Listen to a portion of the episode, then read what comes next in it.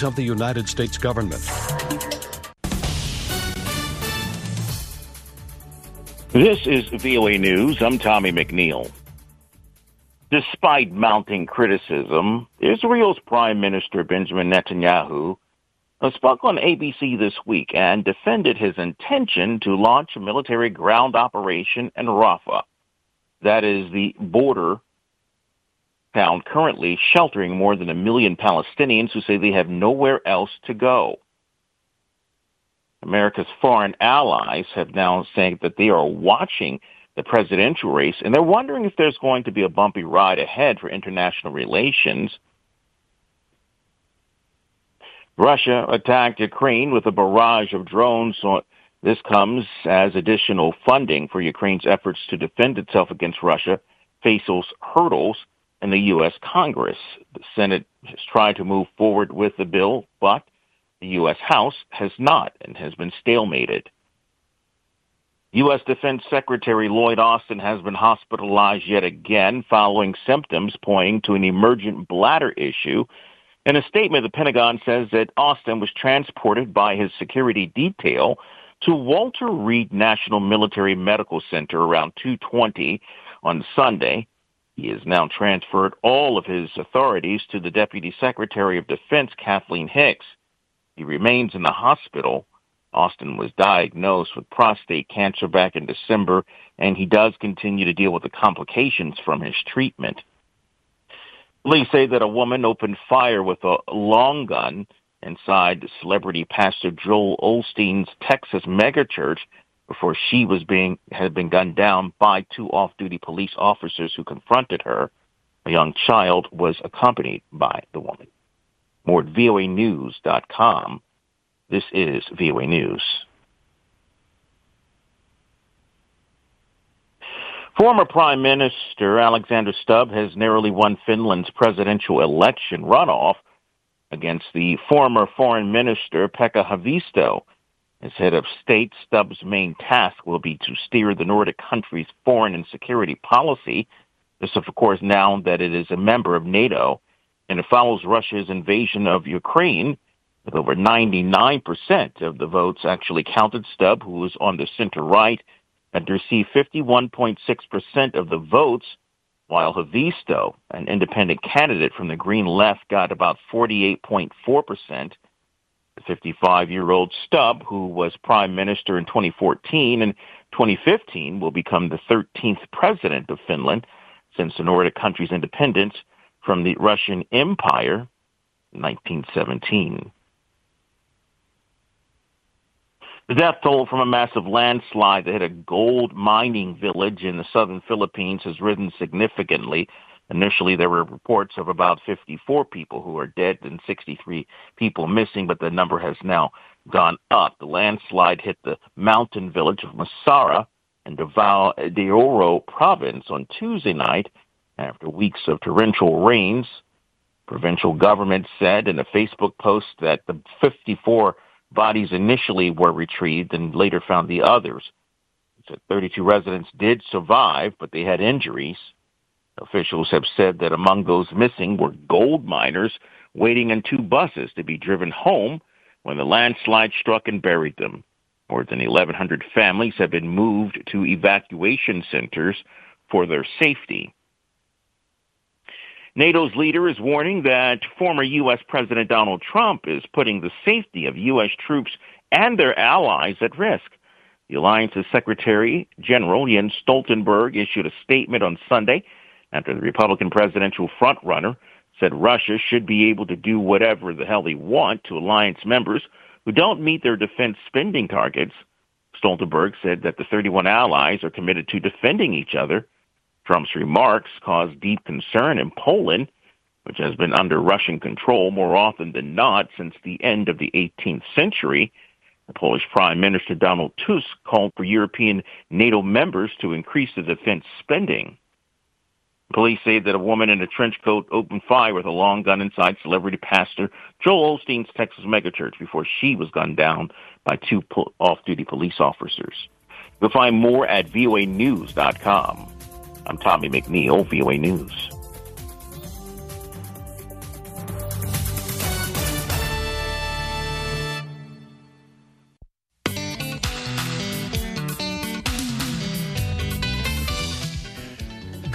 Africa. Welcome to Daybreak Africa from the Voice of America. I'm James Butty in Washington.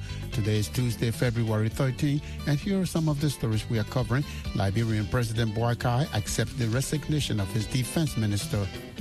General Johnson accordingly tendered his resignation to me earlier today. I have accepted the resignation and thanked the General for his sacrificial services, loyalty, and commitment to our country. Malawi removes visa restriction for travelers from 79 countries. We hear from the tourism minister. Intervention in Zambia is helping those recovering from alcohol addiction. An alleged M23 bomb sparks anti-Western protests in eastern DRC. Everything started by a rocket from M23, which landed in an IDP camp called Zaina. Uh, this rocket injured eight people, and some of them are in a really bad situation. And today is World Radio Day. Those stories, plus our Black History Month presentation, are coming up on Daybreak Africa. Liberian President Joseph Boakai has accepted the resignation of his defense minister days after he was confirmed by the Senate. As Denise Nipson reports from Monrovia, the president's acceptance came during a nationwide address Monday evening.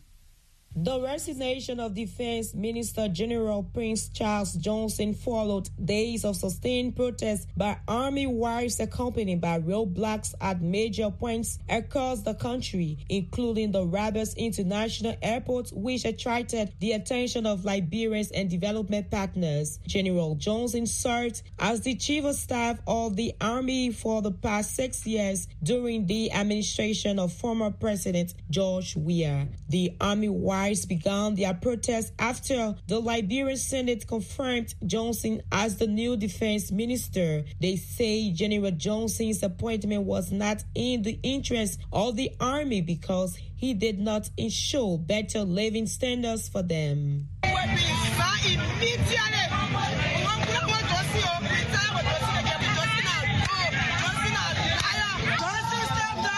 Because of the protest, President Boakai canceled the official ceremony marking Monday's Armed Forces Day. In a nationwide address Monday, President Joseph Boakai explained the women's motives. On Sunday, February 11, I received an audience wives of some members of the armed forces of Liberia who had come to express their concerns on several issues. These issues included poor living conditions, high tuition fees for their children, lack of adequate medical care, and low salaries, among others. The women stated their most important demand was the removal of retired General Prince C. Johnson as Minister of Defense. They said their husband had told them that unless General Johnson was removed, there will be no Armed Forces Day celebration. President Boakai said he had accepted his defense minister's resignation. As a true soldier and a patriot, retired General Johnson, of his own volition, informed us that he would step aside if he were obstacled in order to save the AFL and preserve peace and tranquility in the country. General Johnson accordingly tendered his resignation to me earlier today.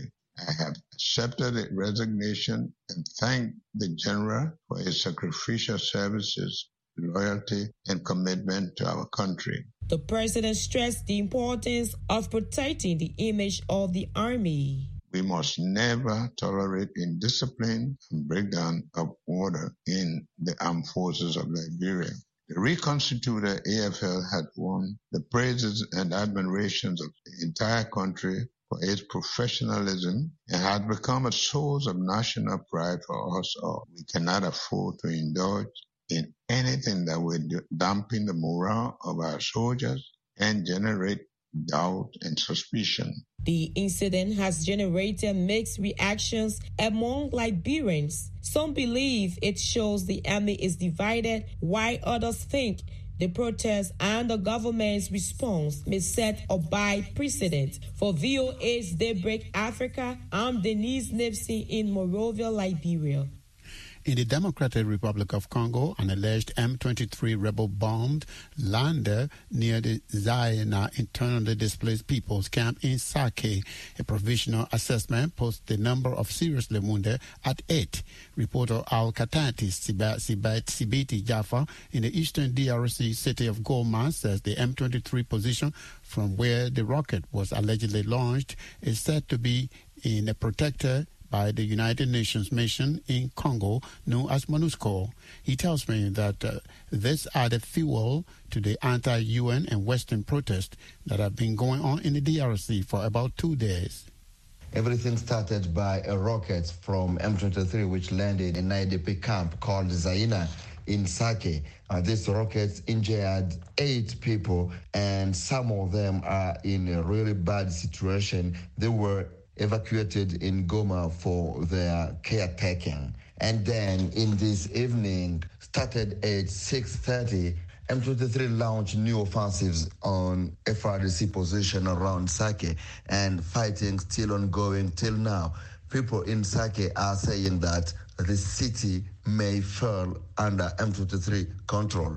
What do you think is behind this anti-U.S. and uh, UN demonstrations? There are a lot of anti-U.S. and UN demonstrations around the country and especially in the city of Kinshasa. And this is because Western countries are appointed by Congolese people to keep quiet on the situation of DRC, which is qualified as a genocide by Congolese people. And this situation in Sake can grow up this aggressivity of Congolese people against MONUSCO and the foreign countries because last Wednesday, after FARDC succeeded to chase out M23 from Sake, it was reported that a group of M23 fighter was hiding in MONUSCO camp in Kiuli Mountain. And this was not confirmed or even denied by MONUSCO.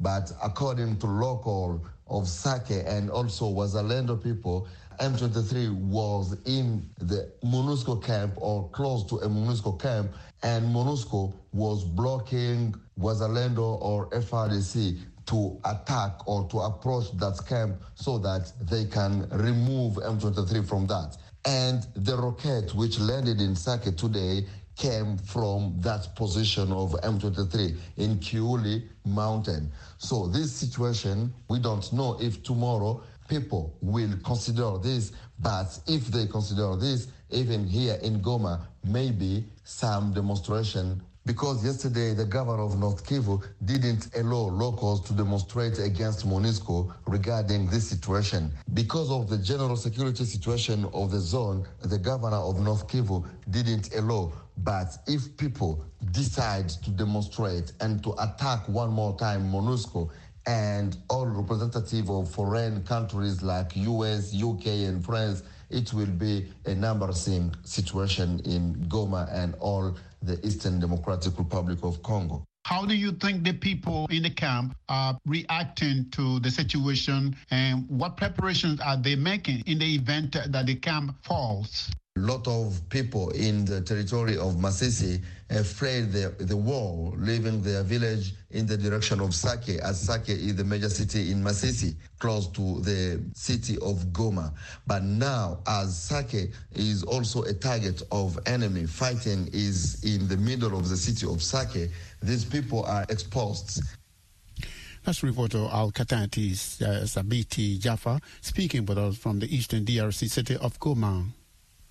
South Africa will send 2,900 troops as part of its contribution to the Southern African Development Community SADC force deployed against armed groups in Eastern Democratic Republic of Congo. According to Reuters, the 16-member regional organization SADC approved the mission in May to help Congo, the world's top supplier of cobalt and Africa's top copper producer, address instability and deteriorating security in its restive eastern region.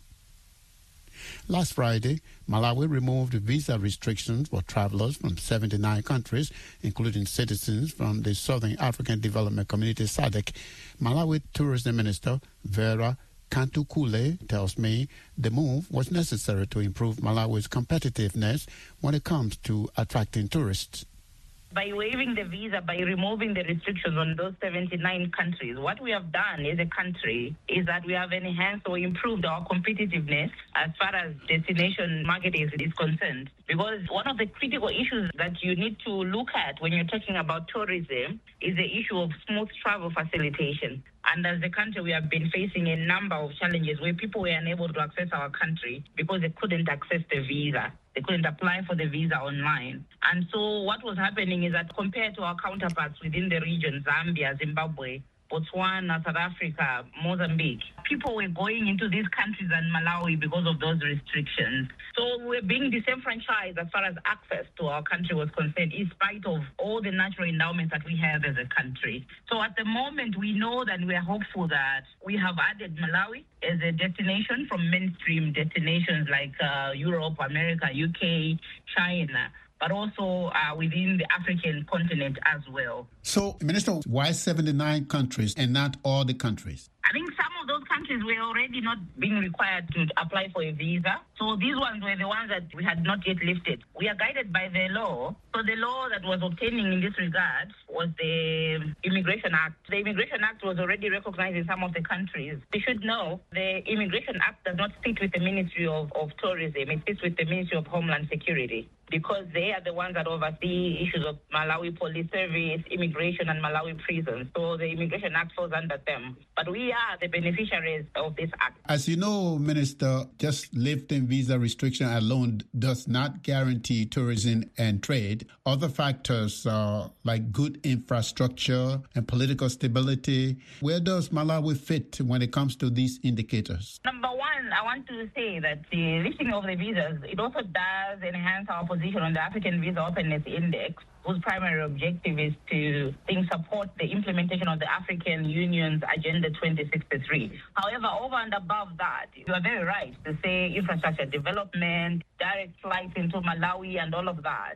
But I think I've always argued to say we are not going to sit here and say, you know, because we don't have direct flights into Malawi, then we're not going to uh, promote our country. Our Ministry of Tourism at the moment, we are we are being guided by two key functions. Number one, we are doing product development. Number two, we are doing destination marketing, which is exactly what we are, what I'm doing even with you right now. We want to say, come to Malawi and you're going to see these things. Where you have one of the largest water bodies in the in the world, but has over 1,000 species of fish, more than any other water body in the world, and the Lake Malawi is the only lake in the world or the only water body in the world that provides a space for snorkeling, safe snorkeling. And I think one of the issues that has been overshadowed or overlooked when you talk about our country is the issue of peace. Malawi has never had war. We are a peaceful nation. We are called the warm heart of Africa for a reason. Even though we may not have uh, state-of-the-art roads, we may not have direct flights into Malawi, our people are warm. Our country is very peaceful. And these are the things that we are talking about. So what we are saying now is that infrastructure development at the moment is at the core of what we are doing as government. So yes, I do agree, but I want to tell you that government at the moment is coordinated towards providing the ATM strategy that will look at all of these issues that you're saying, the infrastructure development, connectivity, security, and everything else that has to be done for us to position Malawi as, as a destination of choice as far as tourism is concerned. Vera Kamtukule is Malawi's tourism minister. She was speaking with us from the capital, Lilongwe.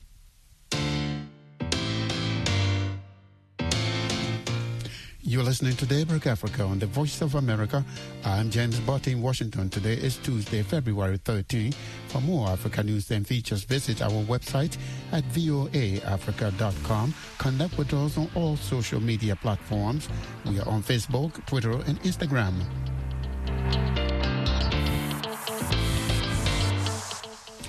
The World Health Organization says that in Zambia, over 70% of men and over 30% of women are drinking too much, too often.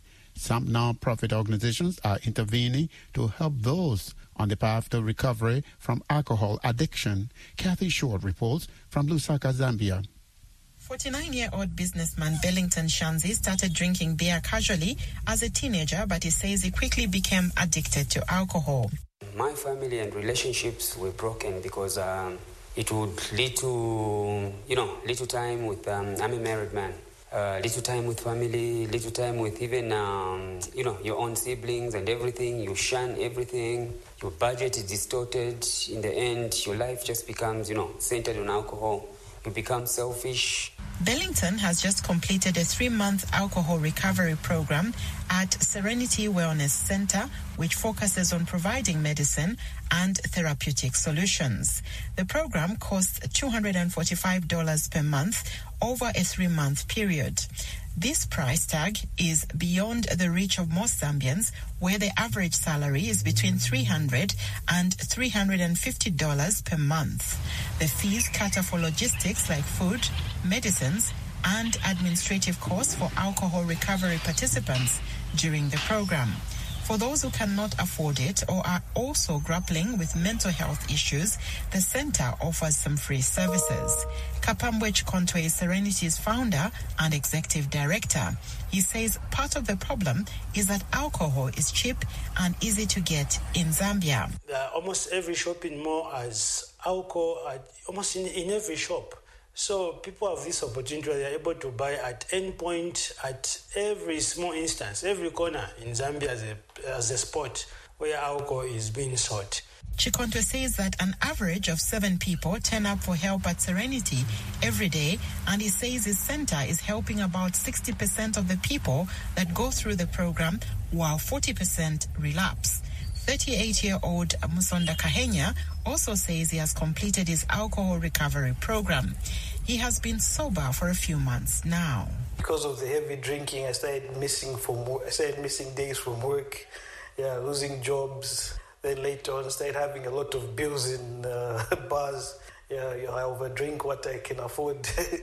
yeah, so it became quite a burden, especially on my family members. In 2018, the country enacted a national alcohol policy that sets opening hours for bars and restricts sales in markets and shopping malls. It prohibits consumption by people under the age of 18. But Chikonto says that policy isn't being enforced and points to media reports indicating that 42% of alcohol consumers are between the ages of 13 and 15. Chikonto says his organization is working closely with the government to urgently fine-tune the national alcohol policy. So, like in like in other policies, um, we need to sensitize uh, the population based on the existence of this policy, but as well as on the content. Zambia's Health Minister Sylvia Masebo told VOA that they recognize the problem and says the government will prosecute those ignoring the national alcohol policy. But activists say that's not enough and are calling for tougher measures like fast tracking the prosecution of offenders to send a clear message. Kathy Short, VOA News, Lusaka, Zambia. Today, February 13, is World Radio Day. It was adopted by the United Nations General Assembly in 2012 as a UN International Day. The United Nations Educational, Scientific and Cultural Organization, UNESCO, says radio remains one of the most dependable and widely utilized forms of media in an era marked by the dizzying speed of technological innovation. Reporter Rita Jirabwe Duo asked some Liberians to share their views about radio. I'm Clifford Kunan Jr., Academic Dean, B Certificate Program at Kakata Rural Teacher Training Institute. Going back in history when we were born, we were not really used to modern technology. So we depend on radio and that of television for information dissemination. So radio have been very key to us getting information across the globe. And uh, given our society not many people used to the use of like android phone we cannot do a radio. So easily my is Chito from Corwell community. The radio is what we use to get information of what is going on around the world or in the community. For me, I would say appreciate us using the radio. For example, people that live in the rural area, they don't have access to internet phone and some of them don't even have internet. So they use the radio to get information. So radio will always be important to us. My name is Victor Kamara from Mount Barclay. Radio and social media, they are both important. But I think radio, right now, the people pay more attention to the radio than social media. Although this is the 21st generation, but we still got elder people that, that don't know how to use their smartphones, and so they prefer turning on the radio and get direct access to state information. My name is Marie Colley. I'm 53 years old. Radio is very important. We don't know about the Facebook business. Even you put something on our test string say I can see a good say, but the radio when listen to the radio I can feel fine. Some of one wow fighting with no have radio, but when people put a radio on, will go sit down there. Eh, radio can make you forget what's on your problem, and radio can also tell you things that are happening. So radio is very important. My name is Lawson G. Law from Goshen Community Law Margibi Division number one. I know radio will be very important because it gives us all the date and inform us of the day-to-day happening. My name is Joseph and Collywood, speaking from Maserado. Radio will always be important because now I'm able to afford to buy a smartphone. So by listening to radio, you'll be updated of everything that happening around the world. Some Liberians, with their views about radio on this World Radio Day, today, February 13, they spoke with reporter Rita Gilobedor.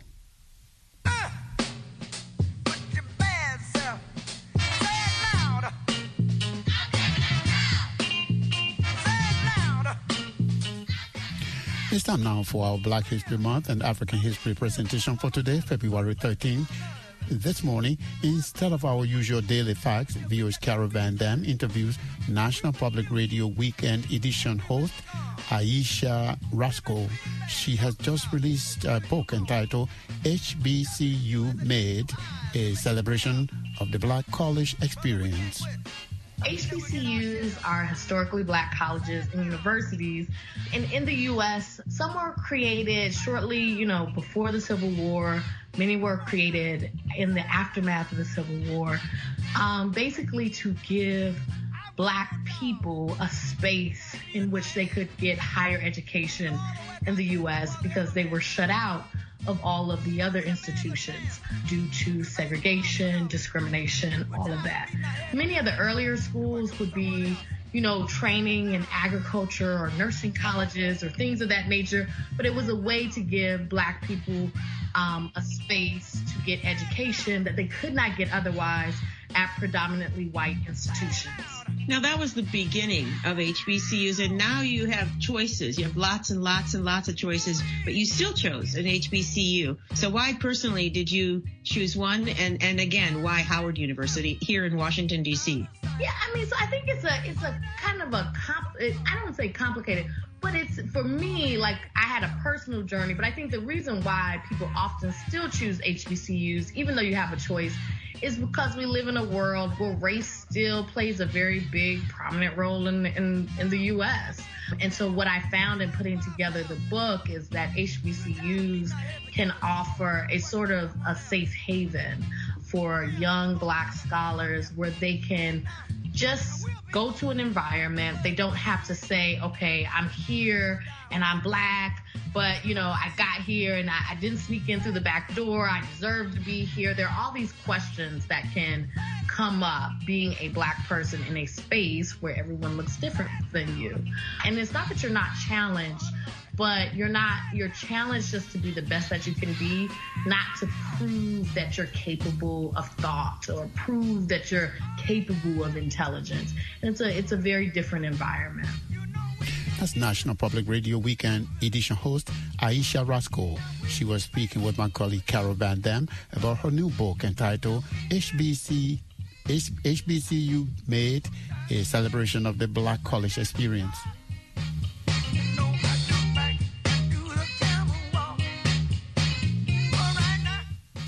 And that's it for this Tuesday, February 13th edition of Daybreak Africa. We thank you for spending your morning with us. For more Africa news and feature, visit our website at voaafrica.com. Connect with us on all social media platforms. We are on Facebook, Twitter, and Instagram.